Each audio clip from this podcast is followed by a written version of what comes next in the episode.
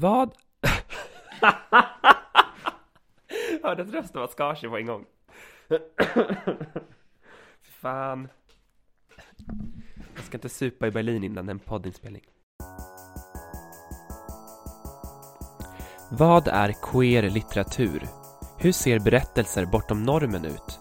Vad kan vi lära av vår queera litteraturhistoria? Och vad säger den queera litteraturen om oss idag? Ja, det här är frågor som vi tar oss an i Bögbibblan Podcast. I den här podden kommer vi att presentera, diskutera och dissekera böcker från den queera litteraturhistorien och några av de mest spännande hbtqi plus-böckerna från vår samtidsutgivning. Vi som är med er i etern är Milla Leskinen, psykolog som knarkar bokcirklar och Max Bjuggfeldt, lärare och bögboksnörd. Den här veckan bjuder vi på samtal, reportage, intervjuer och boktips på temat Den queera staden. Välkommen till Bögbibblan Podcast, din skeva bokhylla.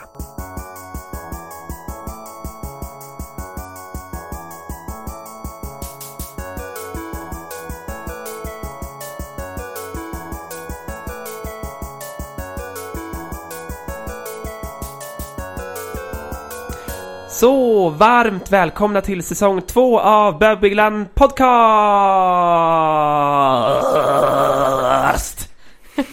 Hallå hörru Millis Pillis, hur mår du? Jättebra, fan vad jag saknat din poddröst. Ja, ah, alltså jag har saknat den själv måste jag säga. Det är inte så här jag vaknar upp varje morgon, eller? Men något vi har saknat är ju att sitta så här tillsammans och få snacka om böcker. Ja, det var ju verkligen ett tag sen sist. Ja, det har gått tio långa månader sedan vårt senaste avsnitt, men nu är vi back, back, back again! Yes. För att bjuda på ett eh, lite spännande diskussioner och eh, reportage om historisk och eh, samtida hbtqi plus-litteratur, eller hur? Exakt. Hur mår du Milla? Eh, jo men jag mår jättebra, jag är så himla glad att vara här. Det känns så sjukt eh, lyxigt att få vara igång igen. Och eh, så kul att vi har så extremt mycket roligt som vi ska prata om idag. Verkligen, jag känner likadant. Eh, det här kommer ju liksom bli en liten annorlunda säsong för er som har lyssnat på den förra säsongen. Eh, som vet att vi då pratade om en bok i varje avsnitt. Eh, vi har tänkt om lite under det här året. Eh, och eh, som liksom samlat eh, energi och kraft för att eh, producera de absolut bästa poddavsnitten vi någonsin har gjort. Eh, men du Milla, tio långa månader, varför plockar vi upp tråden nu? Ja, Eh, varför har vi inte plockat upp den tidigare är ju en fråga man ställer sig. Och det tror jag handlar om att vi har så extremt höga ambitioner med den här säsong nummer två. Och det ska vi berätta om alldeles strax. Men varför vi överhuvudtaget vill fortsätta med podden, det eh, liksom, för det första så är det för att det är så otroligt roligt att hålla på med. Och för att jag tycker också att det här känns liksom viktigt att så här, någon gör det här. Och det är liksom ingen som har plockat upp den här bollen efter oss. Så det, det, är, det är liksom vi som, som gör bögbibblan. så vi, vi får helt enkelt fortsätta att kämpa på tills eh, det här finns i SRs eh, liksom ordinarie repertoar. Men det är också för att vi, vi tror ju fortfarande, eller vi båda tänker att det är så enormt viktigt med någon typ av queer folkbildning. Alltså att queers förtjänar att veta mer om våra berättelser. Och för att det finns, alltså ju mer vi håller på med det här desto mer litteratur upptäcker vi. Det finns så många berättelser, så många queera personer, så många queera liv att liksom skildra och berätta om och som förtjänar att lyftas fram. Håller helt med. Och förutom allt det här geniala, smarta som du säger så är det ju också så att den respons vi har fått på förra säsongen. Det har ju varit otroligt roligt att få höra vad eh, ni som har lyssnat har tyckt om de här avsnitten. Eh, och det har ju verkligen känt att vi varit peppade på att fortsätta. Verkligen. Och precis som du nämnde Milla så kommer det här bli ett lite mer eh, ambitiöst upplägg faktiskt den här säsongen. Eh, och det eh, tycker vi ska bli jättespännande.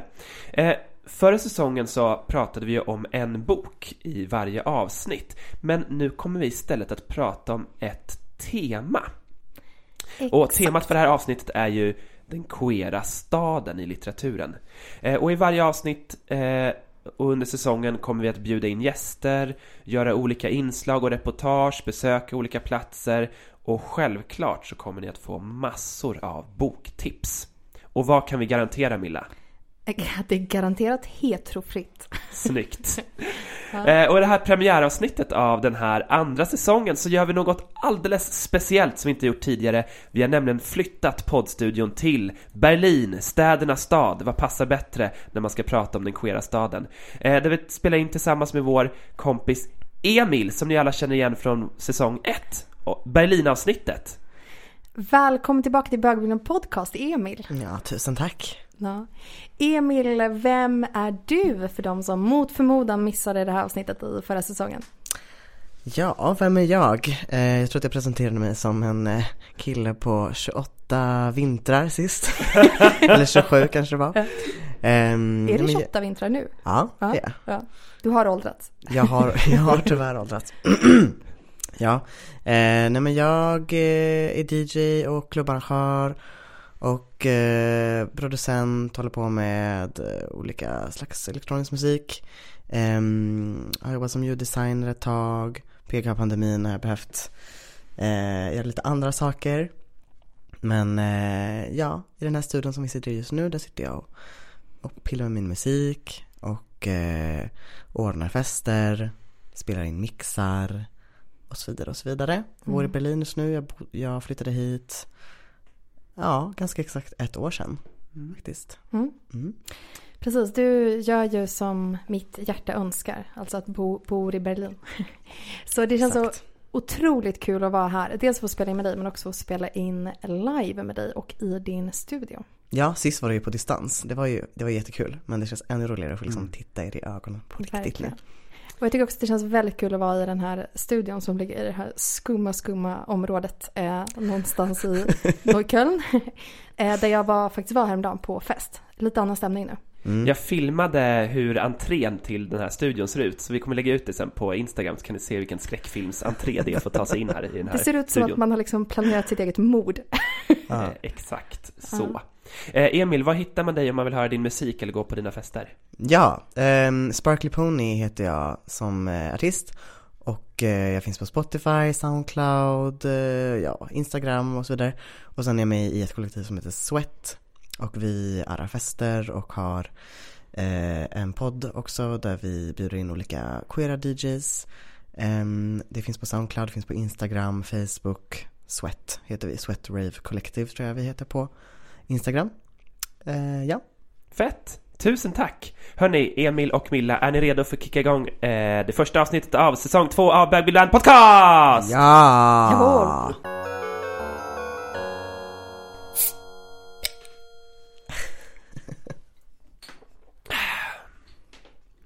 Så, dagens avsnitt handlar om den queera staden. Städer har alltid spelat en viktig roll i queert berättande. Den queera staden är i sig en idé om en annan värld där andra normer råder, oavsett om man drömmer om Stockholm, Berlin eller New York.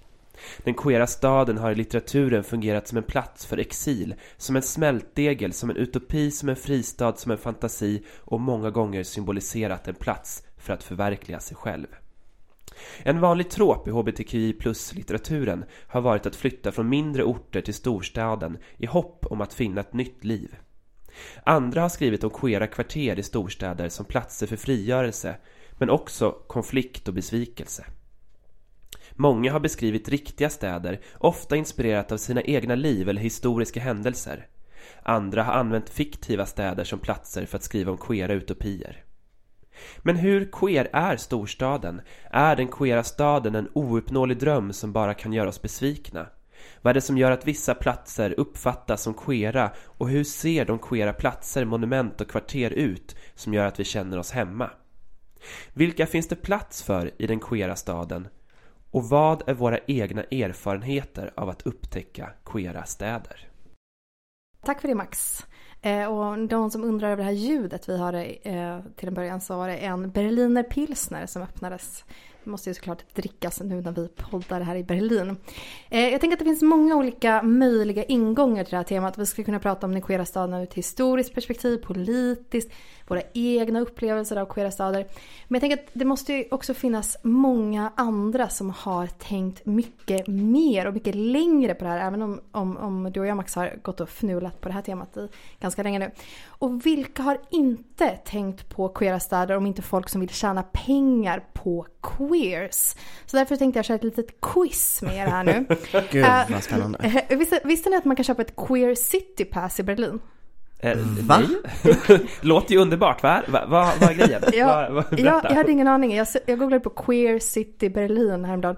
Och då såg jag att det fanns ett eh, Queer City Pass. Och eh, där det är, man kan välja allt ifrån 48 timmar till 6 dagar. Lite beroende på hur, hur länge man vill vara i den queera staden kanske. Eller hur länge man vill vara queer i staden. Jag vet inte. Ehm, och, Alltså man kan liksom köpa sig queerhet här. Eh, precis, så man kan köpa det här passet och då ingår eh, en, ett gäng rabatter. Så ingenting är gratis, inte ens om man har- det här queer-passet. Eh, och man kan få eh, ja, olika typer av rabatter och erbjudanden på olika museer och trendy restaurants och den typen av grejer. Så eh, Kommer man in gratis på Berghain då eller? visst hade man hoppats på det, att det skulle vara som liksom en guldbiljett, Ja. så allt är gratis inne på Bergen. Eh, nej, tyvärr inte. Då skulle jag haft ett queer-pass. liksom 365 dagar om året. Nej, men eh, gissa, eh, vad tror ni ingår i det här? Eh, entré på någon sån gay-sauna. Ja, bra, bra gissning. Vad, vad tror du Emil? Mm. Men jag tänker typ någon, någon liten sån stadsvandring, någon liten sån queer stadsvandring, typ såhär i Tjörneberg antagligen. Ja, mm, Eh, eh, museum kanske?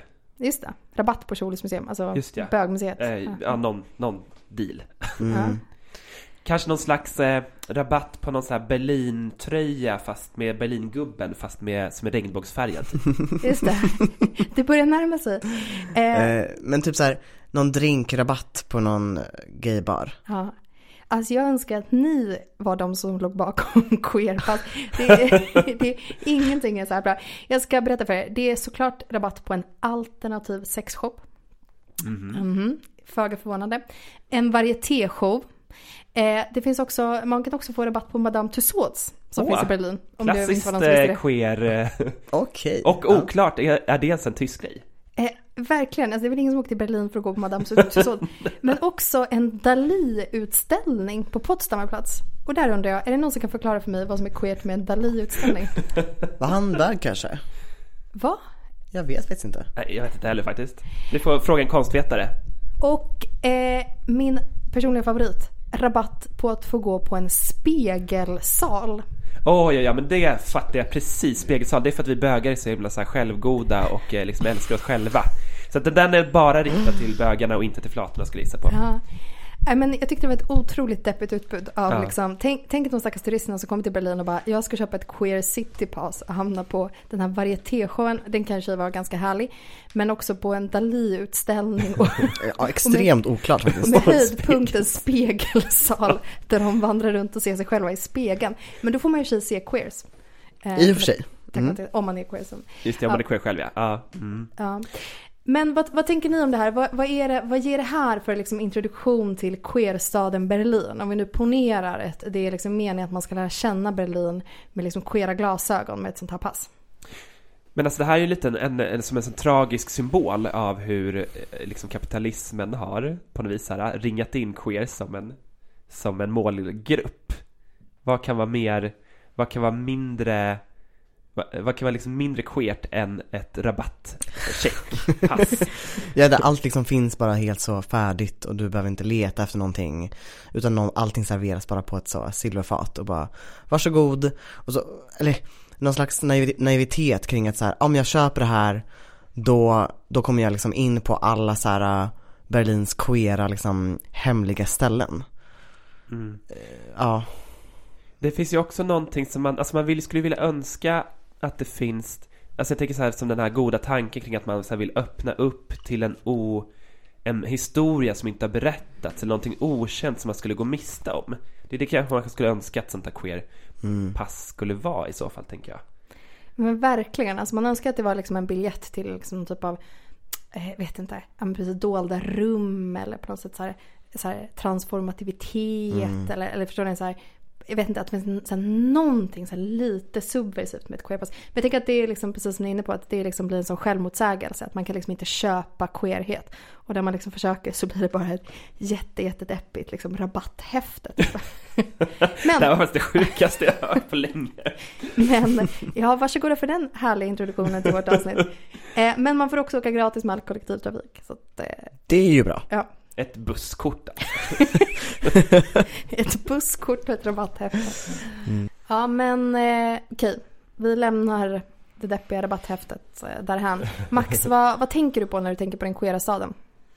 Ja men den, den queera staden, då tänker jag lite på det som vi hade med i introduktionen, att det är liksom en, en, en någon slags plats där det finns frirum för, för queera människor att på något vis eh, Eh, komma till uttryck, att få blomstra, att få eh, möta likasinnade lika mycket som att eh, utmanas i sin queerhet såklart. Ehm, eh, och liksom att den queera staden ska vara, ha förmåga att liksom omfamna sina queers eh, i någon slags trygghet så. Det tänker jag med den queera staden. Sen tänker jag också att den queera staden rent sådär politiskt också är som en eh, hur man faktiskt organiserar en stad så att, så att olika familjer kan få plats i staden eller olika liksom det finns olika eh, sätt att bo på som är möjliga eller organisera föräldraskap sådana saker till exempel. Det tänker jag också skulle kunna vara den queera staden. Mm. Mm. Ja, alltså jag tänker nog mer spontant liksom det, alltså det som är synligt utifrån. Det känns som att eh, just Berlin är en sån stad där det är väldigt, det är väldigt synligt att det är en queer stad. Man möter så mycket queera människor ute på gatan eh, på ett sätt som jag aldrig har gjort i Sverige tror jag. Att dagligen se liksom människor som man själv identifierar sig med, människor som ser helt annorlunda än en själv eh, ut och, ja men bara, jag vet inte, alltså jag tänker att Berlin är den stan man kan se ut precis hur som helst. Och ingen kommer någonsin att liksom höja ögonbrynet. Och det för mig är ganska queert liksom. Mm. Mm. Men det är ju jätteintressant liksom det där med att, att det är tillräckligt stort och tillräckligt så här mångfaldigt för att det ska finnas plats på något vis för alla. Eh, det som är intressant är också, tänker jag, är så här eh, Berlin är på något vis lite unikum för att det är så här, queerheten känns som den nästan svämmar över lite överallt mm. här. I många andra städer finns det ju liksom kanske queera områden där man eh, i olika hög grad som queer person kan känna sig hemma och det kan ju vara liksom på något vis avslappnande att kunna få göra det. Till skillnad från många svenska städer där vi inte har queera områden eller queera gator till exempel. Eh, men kanske en idé om att så här, queerheten ska kunna få plats ändå på något vis. Att det finns liksom någon sån här toleransidén. Eh, som jag tänker kategoriserar sig olika städer liksom, utifrån de parametrarna. Mm. Vad tänker du Milla? Ja, men, alltså, ju mer, jag liksom håller med liksom, båda i det ni säger. Jag tänker att det finns så många olika så här, sätt man kan förstå det liksom, begreppet. Alltså, antingen är det en liksom, stad så här, för queers eller en, så här, en queer person kan känna sig välkommen där hemma eller känna igen sig. Eh, men man kan också prata om det liksom som, som liksom, eh, typ av så queerhet liksom i staden. Typ av en stad eller liksom, eh, som är i, eh, ja men då på något sätt eh, någon typ av mellan förskap eller liksom en sån typ av transformation eller så. Så att jag tänker bara liksom rent arkitektoniskt. Liksom. Så att det finns liksom så många olika så lager i det här. Så ju mer vi har snackat om det och mer jag har tänkt på det så, liksom så växer och växer det här till en här livslång liksom så avhandling. Ja, så, länge, så länge ska vi inte snacka om det idag. Men jag tänker också att du är också inne på någonting Max, att liksom, um, alltså på någonting nästan liksom lite utopiskt kring den queera staden. Alltså en stad där det är liksom som är byggd på ett sätt som möjliggör olika typer av så här, queera liv. Till exempel som du var inne på, så här, olika typer av familjebildningar eller så här, olika liksom, sätt att liksom, så, leva på. Och det tänker jag att så här, kanske inte är, tyvärr, det är liksom så första jag tänker på när jag tänker på den queera staden. Utan jag tänker kanske snarare på det som jag liksom faktiskt inledde med, liksom så på något sätt den kommersialiseringen av den queera staden. Alltså hur den queera staden blir på något sätt ett sätt att liksom locka dit turister eller ett sätt att liksom branda sig själv som en progressiv stad. Så. så att eh, ja, eh, det finns mycket, mycket i den queera staden. Något som säkert skulle förvåna många örebroare om de kände till det är att om natten förvandlas parken bredvid slottet liksom så många parker världen över byter skepnad vid mörkrets inbrott och intas av stadens ensamma män. Om du går i en park om natten i en främmande stad och ser en ensam man vika av in i ett buskage, då vet du. Eller om du ser buskar med upptrampade stigar mellan snåren, då vet du. Eller om resehandboken avråder från att besöka något specifikt område nattetid, då vet du. Efter aids kan du också söka på marken efter begagnade kondomer, och då vet du. Slottsparken i Örebro är inte särskilt stor, men den är eftersatt och dåligt upplyst och där finns mängder med vildvuxna buskar och träd att gömma sig bland. Generellt kan man säga att det inte är någon idé att gå till parken före tio på kvällen. Det ska ju gärna hinna bli mörkt så att man kan ha lite roligt, eller hur? Men sedan, då mörkret sänkt sig, lugnet lagt sig och alla hundarna pinkat, då är parken deras. Jonas Gardell, Ett lyckligare år, utgiven 2021. Le Trois Cloches var ett känt homosexställe. Jag hade fått adressen redan på rännan i Paris. Eftersom det hade dubbeldörrar som stod öppna mot gatan och visade fram den inbjudande baren lockades också de främmande skarorna av amerikanska flottister dit. Bögarna var förstås glada åt det, liksom Nanouche. De lesbiska gästerna drog sig längre in inåt den mörka lokalen för att få vara i fred. Själv gick jag längst in i dunklet bakom pelarna för att vänta osedd tills Nanouche dök upp. Det var första gången jag vågade mig dit in och inte stannade i baren. Väggarna var målade i dova gröna färger och hade rödaktig boasering. Det var fortfarande tidigt på kvällen och nästan tomt där inne. Värdinnan hade följt efter mig och ställde sig att hänga vid bordskanten. Jag blev orolig för vad hon kunde vilja och var glad att de enda andra gästerna var en mörkhårig flicka i rutig tweedkavaj borta i ena hörnet och två eleganta skönor som jag visste vem de var genom Victor Hugo och Jorge. Det var möjligt att värdinnan tänkte be mig lägga av med tolkningen åt Nanouche. Som vanligt tilltalade hon mig på engelska. Kryper du in här i dunklet för en gångs skull? Hit in brukade de inte komma vet du. Jag hade förresten ett par trevliga officerare här i eftermiddag som skulle passa dig bra. De hade sett dig förut så de frågade efter dig och jag sa vänta ett tag så kanske hon kommer. Hon kan dyka upp när som helst vi är öppet sa jag och de väntade länge men kanske de kommer tillbaka hit ikväll. Birgitta Stenberg Kärlek i Europa Utgiven 1981 Först när jag når metrostationen vid Leninski Prospekt stannar jag för att röka. Hem. Jag kan fortfarande åka hem, tänker jag. Men i nästa ögonblick upptäcker jag att Varsa har ringt och skickat ett meddelande för att tala om att han är framme och att han väntar på mig. Snart, svarar jag, men blir stående en stund i doften av tunnelbanan som kommer emot mig genom stationsdörrarna. En oljig doft som av kol och varm metall. Dörrarna öppnas och jag kliver åt sidan efter att ha fått en knuff i ryggen. Jag känner efter i bröstfickan på min svarta jeansjacka och hittar en polett till metron, fimpar cigaretten och går in. Bokkiosken där inne har en stakerbok som jag inte har läst, så jag köper den innan jag stoppar poletten i automaten och passerar vändkorset. I baren med Aljosha Åker om du inte kommer ganska snart, meddelar Vasilij. På väg i metron. När rulltrappan har rullat några meter sätter jag mig på trappsteget och börjar läsa. Lika mycket av nyfikenhet som för att inte tänka på att det är relativt glet med folk och att det inte är alldeles riskfritt för en uppenbart ljusblå kille med målade naglar att vara ensam i metron. Inte vid den här tiden. Inte vid en ändstation, om någonsin eller någonstans. Ännu en gång fiskar jag upp telefonen för att skriva till Vasili. Kommer om en liten stund, om jag överlever. Om jag dör ska du veta att du är min bäste vän. Inte för att han kommer svara, men jag skickar meddelandet ändå och försjunker sedan i min bok tills jag kommer inom synhåll för rulltrappsvakten.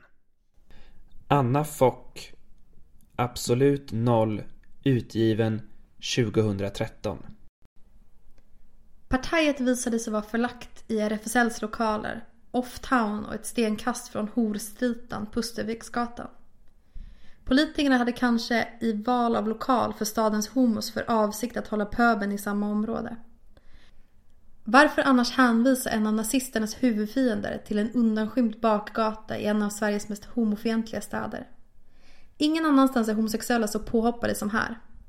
Varannan homo eller bimänniska i landet är utsatt för hatbrott på grund av sin läggning. Men i Göteborg är det ännu fler föremål för spott och spe, övergrepp och misshandel. Ofta utanför just gayställen. Detta upplyste homoexperten Hedda mig om innan jag hoppade på bussen. Inte särskilt taktfullt med tanke på att jag redan var nervig på grund av min obearbetade torgskräck samt Bob-mötet i sig. För att inte tala om hur strykrädd jag är. Mian Lodalen Trekant. Utgiven 2005. Vi satte oss tillsammans inne på kaféet som var fullt av skäggiga män. De allra flesta var i medelåldern. Jag kan till och med ha varit den yngsta på hela stället. Mitt sällskap sa Det är så här det brukar se ut på offentliga platser. Är det inte intressant? Till kaféet började jag berätta hela historien om min pojkvän. Från vårt allra första möte tills dess att alla våra träffar förvandlats till regelrätta förhör. Den syriska killen visade sig vara väldigt sympatisk och vi blev snart vänner. Vi började umgås och möttes på olika ställen ute på stan. Att alla offentliga platser nästan enbart befolkas av män bidrar till att manliga homosexuella känner sig trygga nog att ses och gå omkring tillsammans ute. Ibland till och med hålla hand. Genom min syriska vän lärde jag känna många saudiska och andra arabiska bögar. Syrier, egyptier, libaneser, palestinier och även pakistanier och indier. Han sa att Kommissionen för dygdens främjande är för dumma för att förstå att män med håriga kroppar och skägg skulle kunna vara gay. De förföljer bara tonåringar med kort hår och annorlunda frisyrer. Männen utnyttjar den manliga friheten i ett land som Saudi för att träffas och till och med ha sex. I Saudi är det nästan lättare att ligga med en man än med en kvinna eftersom kvinnan så starkt förknippas med synd. Khaled Al-Esmail, En port till havet, brev från arabiska bögar. Utgiven 2020. Det här var utdrag från några eh, queera skildringar av stä städer eller stadsbilder eh, från litteraturen. Men nu är vi i Berlin, eller hur Milla? Yes. Och här ville vi ju såklart också besöka en queer del av staden. Och vad är liksom mer så original queer med Berlin än Schöneberg? Det är en stadsdel här i Berlin som eh, ligger i forna Västberlin. Och då kan jag säga ingen aning eftersom jag har typ noll koll på Berlin. Ja. Men eh, så är det i alla fall, nu har du lärt dig det. Eh, Schöneberg är liksom Berlins huvud-queer village, eller har varit det historiskt sett. Framförallt på peak 70-80-talen skulle jag säga. Men också på 20-talet innan andra världskriget. Och eh, vi skulle åka dit och göra en sån här eh, härlig på fältet, eh, liksom eh, på fältet reportage. Så här, du och jag wallraffar, jag vet inte om vi behövde wallraffa, men i alla fall röra oss runt i Tjörneberg. eh, liksom spela in olika härliga stadsljud och så. Men jag har ju varit sjuk. Så att jag skickade med dig, eh, jag bara Max, förlåt du får göra det här själv, men jag kommer skicka med dig lite uppdrag, några platser att besöka. Hur, hur, hur var det? Jo men jag tog ju mig an den här uppgiften med liv och lust och tänkte att nu är jag den nya Cecilia Udén på Sveriges Radio som ska ut på fältet och skildra hur det är i verkligheten. Eh, jag känner mig mest kall, eh, täppt i näsan och förvirrad när jag väl var där på plats. Men som ni kommer höra i inslaget så gjorde jag mitt bästa för att hålla Sveriges Radio-fanan högt. Mm. Ska vi lyssna på hur det lät?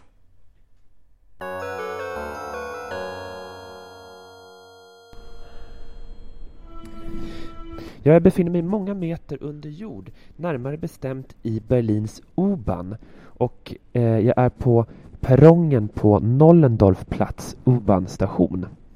Och här långt ovanför mig pågår Berlins sjudande liv. Det är mitt i rusningstid faktiskt. Eh, och Nollendorfplatz eh, kan man säga är lite utav eh, Berlins Gay Village om man kan säga att det finns ett plats för gaylivet i Berlin. Och här har det varit eh, konstnärer, eh, musiker, skådespelare och kreativa människor från hela världen som bott. Eh, det ligger mitt i Schöneberg. Schönebergs gaypeak kanske var på 1920-talet och kom igen på 70 och 80-talen. Eh, och det jag ska göra, nu, göra nu är att bege mig uppåt ovan jord för att undersöka hur gaylivet ser ut i Schöneberg idag. Och där jag står just nu på eh, mittemellan nummer 9 och nummer 11 är ett av de första stoppen som Milla rekommenderar mig och här ser jag regnbågsflaggor från fönster och balkonger. Och precis här vid nummer 9 finns faktiskt en så kallad snubbelsten. Eh, snubbelstenar har ju satts ut runt om i Tyskland eh, och Europa på de platser där judar som mördades under förintelsen eh, bodde. Eh, och det här är en snubbelsten som är ett minne över en av de eh, homosexuella som mördades under förintelsen och som bodde här på Mottstrasse 9. Albrecht von Krusig. Eh, och om jag promenerar några meter bort till nummer 11 så hittar vi Magnus apotek eh, som ska vara döpt efter Magnus Hirschfeldt, eh, en sexolog verksam under början av 1900-talet och som byggde upp Institutet för eh, sexologi här i Berlin. Eh, och en av de som tidigast och mest omfattande forskade på eh, om homosexuella, och bisexuella och transpersoner. Eh, institutet brändes ju ner av nazisterna på 30-talet. Eh, och det här verkar då vara någon slags minne över Magnus. Jag beger mig vidare. Ja, jag har kommit lite längre ner på gatan här nu och jag har vandrat mellan eh, affärsverksamheter som alla är regnbågsskyltade på ett eller annat sätt. Det är bokhandlar, det är hotell, det är affär, apotek, det är affärer som säljer läder och gummikläder och andra fetischprylar. Eh, det är en klockaffär och en måleriaffär. Och precis som i många andra communityn så har man brandat sina produkter eller sina verksamheter med regnbågsfärgerna. Eh, så att man kan fråga sig sådär från eh, med ett lite kritiskt perspektiv om hur vad som skiljer regnbågsapoteken här från de i andra områden av Berlin. Ehm, där jag står just nu på nummer 24 så står jag framför en affär som säljer ekologisk eh, mat och hudprodukter och så. Eh, och här låg en i tiden, gång i tiden en berömd bar för transvestiter, Eldorado. Så nu kom jag precis ut från kaféet eh, Romeo und Romeo eh, där man eh, bland annat kan köpa regnbågsfärgad vegansk sockerkaka som jag ser mycket fram emot att smaka. Och nog är det härligt att gå på en gata som så tydligt vänder sig till en målgrupp där man ser bögar gå hand i hand och där alla de Eh, eller många av de tecken och symboler som kännetecknar bögkulturen är så närvarande. Men det gör mig också lite frågande till var är flatorna någonstans? Det hoppas jag att eh, Milla kan berätta för mig sen i studion.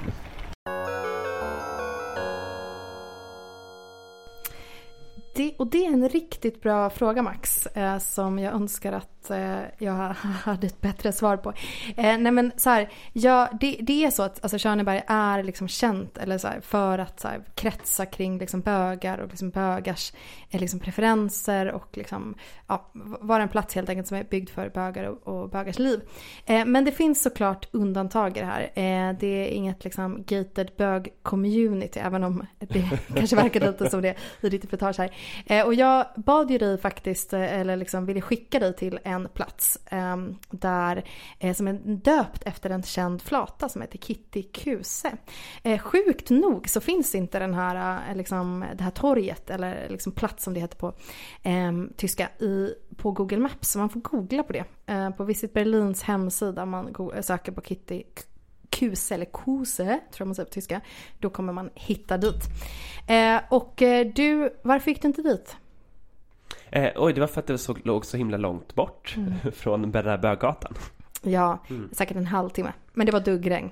Så du förlåten. Men jag tänkte i alla fall att jag skulle berätta lite grann för er eh, om Kitty. Eh, mm. Kuse, Kuse och lite grann om Berlins lesbiska historia.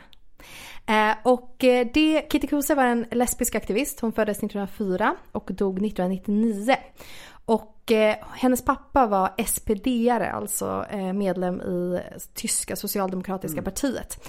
Och hon var också med i en, vad jag tror var en kör som heter Proletarischen Sing eh, skar.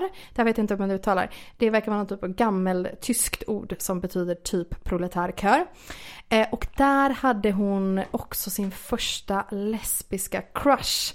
Eh, tyvärr så förtäljer liksom inte historien mer om, om den här. Det är liksom typ den eh, delen av hennes liv som jag såklart blev mest nyfiken på först. Eh, och under andra världskriget så gick hon inte med i nazistpartiet i, i Tyskland. Eh, vilket var liksom eh, ja, men lika med att göra motstånd på den tiden och därför var hon arbetslös i många år.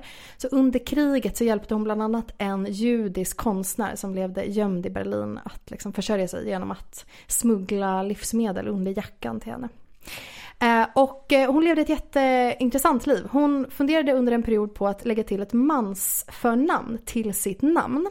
Eh, men blev avrådd av en läkare på Magnus Hirschfeldt-institutet. Som... Just det, där jag var. Ja. Eller där jag såg det apoteket. Exakt. Som var döpt efter honom. Ja. ja.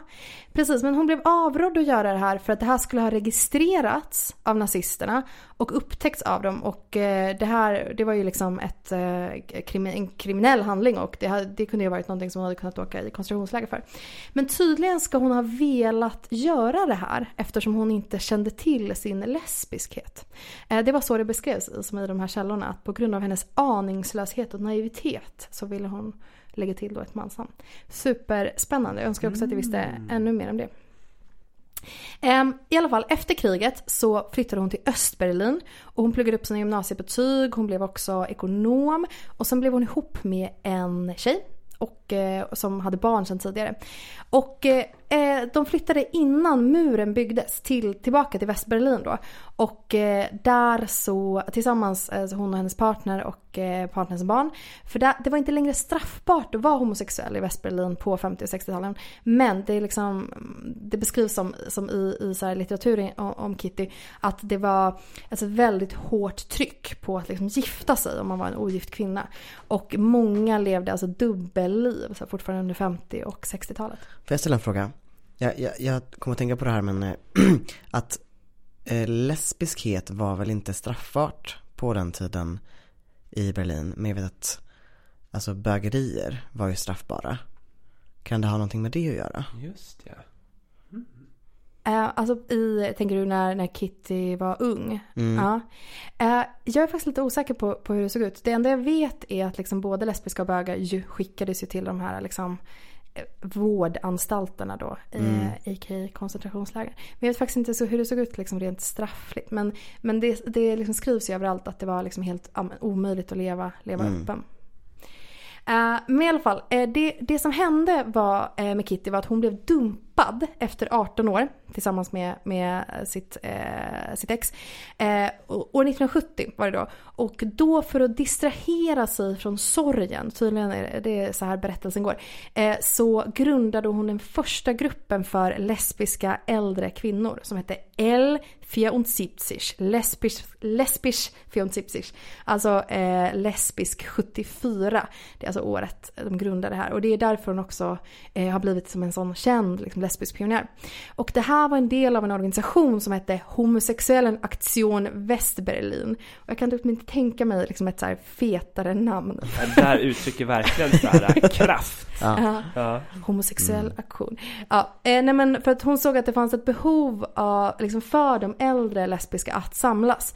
För att de inte hade alls samma liksom, upplevelser och livsvillkor. Alltså vissa av de här hade liksom levt som lesbiska under Weimarrepubliken. Så att de hade inte alls samma liksom, mm.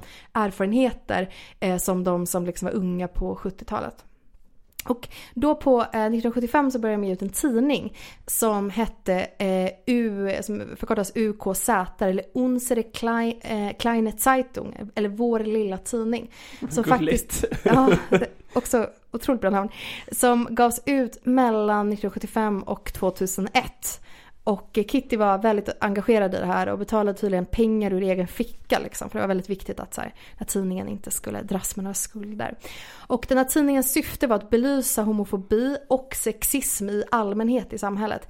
Eh, men också, eh, och här kommer ett väldigt vackert tyskt ord som heter ermutigen. Som är ett jättefint tyskt ord som eh, egentligen betyder eh, typ encourage eller uppmuntra. Men i ordet så finns eh, ermutigen så finns ordet mot, vilket står, eh, betyder mod. Mm. Eh, så att liksom, ja men att just ingjuta mod i, i lesbiska och, eh, liksom, liksom hjälpa dem att bryta sin isolering. Och Kitty Kuse ses som en föregångare och förebild eh, eftersom hon levde och verkade under en tid där lesbiskhet liksom, eh, inte alls eller knappt fick plats i, i offentligheten. Ja. Varsågoda wow, för den, för den lilla språk och historiestunden. Tack Milla. Ja. Tack, verkligen. Det är så otroligt viktigt att vi får eh, liksom, höra om de här levnadsödena och de här föregångarna som verkligen har banat väg för att våra liv ska kunna vara så fria och öppna som de ändå är idag i förhållande till hur det varit i historien. Så. Mm. Mm. Verkligen. Tack Kitty! Tack! Tack! Eh, det är också väldigt fint, tänker jag, eh, och viktigt eh, politiskt att, att de här levnadsödena också uppmärksammas med fysiska platser i staden. Med monument som liksom tar utrymme. Exakt, så Kitty har ju dels fått liksom, jag tror, jag har inte varit där själv, men jag tror att det är liksom en del av eh, ett torg som är döpt av henne, eller, eller en park. Eh, men också en, liksom, en sten med en inskription. Eh, så det är ju ett exempel på hur queerhet liksom görs i staden, liksom, så här, görs fysiskt liksom, i termer, eh, form av monument till exempel. Du har lyssnat på del 1 1 av Bögbibblan Podcast, säsong 2, avsnitt 1, Den queera staden. De andra delarna hittar du där du lyssnar på dina poddar. Vilka som har varit med och gjort det här avsnittet möjligt? Ja, det berättar vi efter den sista delen.